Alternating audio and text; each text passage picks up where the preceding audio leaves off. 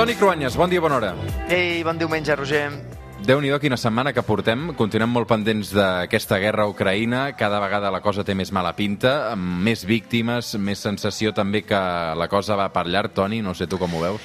Home, un dels elements eh, més inquietants és aquesta falta d'una raó lògica per la part de Putin per, per entendre què està fent i quan sortim dels paràmetres de beneficis econòmics o, o de recursos naturals, que no és el cas de la invasió d'Ucraïna, entrem en un terreny molt eteri perquè és més perillós. Al final, de la part russa només sentim discursos patriòtics i, i apel·lacions a la història.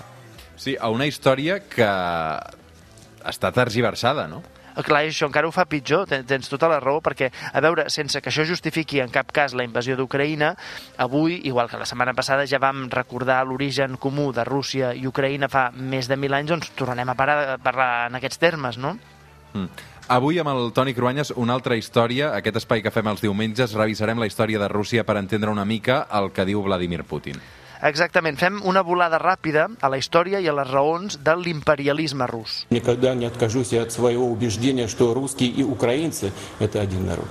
Aquí Putin eh, justificava els atacs a Ucraïna recordant aquest passat gloriós de Rússia.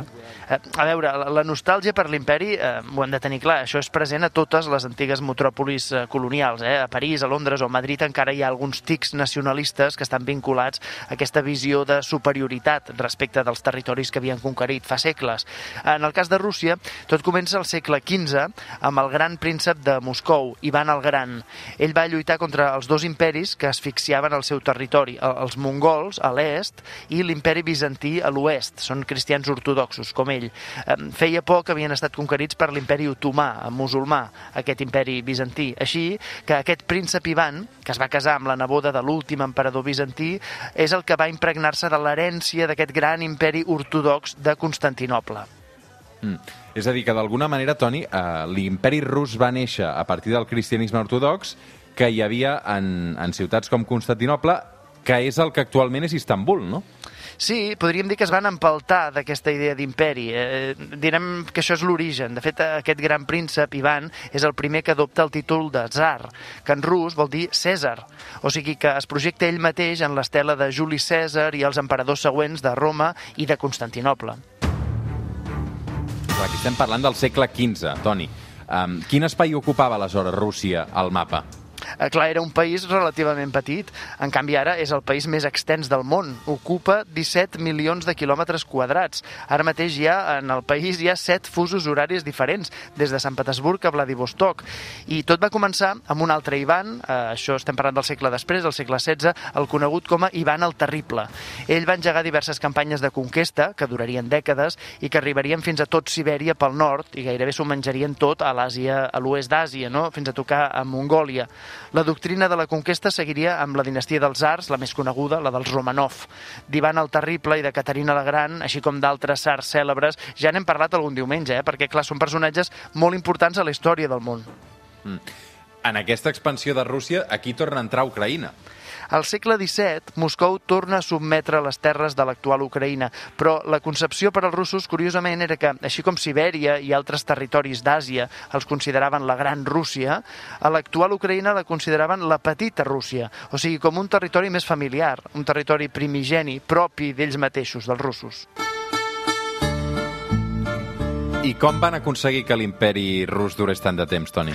Per ells, Moscou era com la tercera Roma. Es consideraven hereus de l'imperi romà i bizantí, però per evitar acabar com aquests imperis que van caure, ells van aplicar dues normes que van creure bàsiques i que efectivament els han funcionat. Primer, un control absolut del poder. Un monarca, digue-li zar o digue-li president a l'època soviètica, doncs que tenia tot el poder concentrat en una sola persona i, a més, governar per fer por, amb crueltat, per evitar qualsevol tipus de dissidència.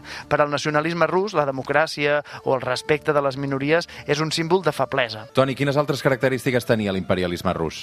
A veure, és important tenir en compte que ells patien per l'espai, eh? volien tenir espai al voltant per assegurar-se que ningú no envaís el seu territori. Per tant, volien expandir-se sempre, més territori, més espai de seguretat.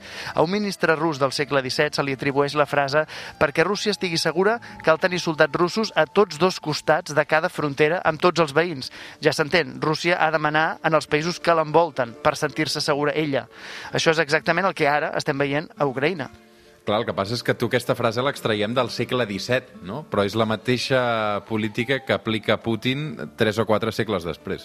Clar, i semblaria que amb la Revolució Russa i la Unió Soviètica tot això canviaria, però no.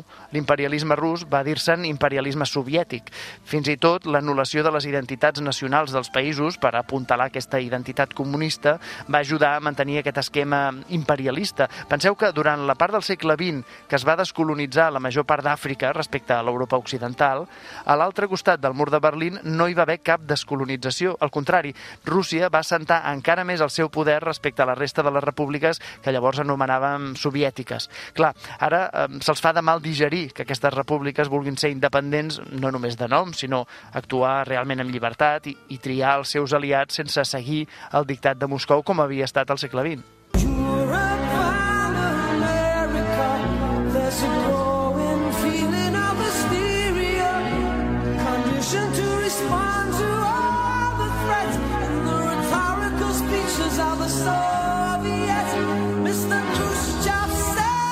Avui arribarem a les 9 del matí amb aquesta cançó que es diu Russians, de Sting, i que també ens encaixa amb tot això que està passant. Uh, Toni Cruanyes, bon diumenge, moltes gràcies. Vinga, una abraçada.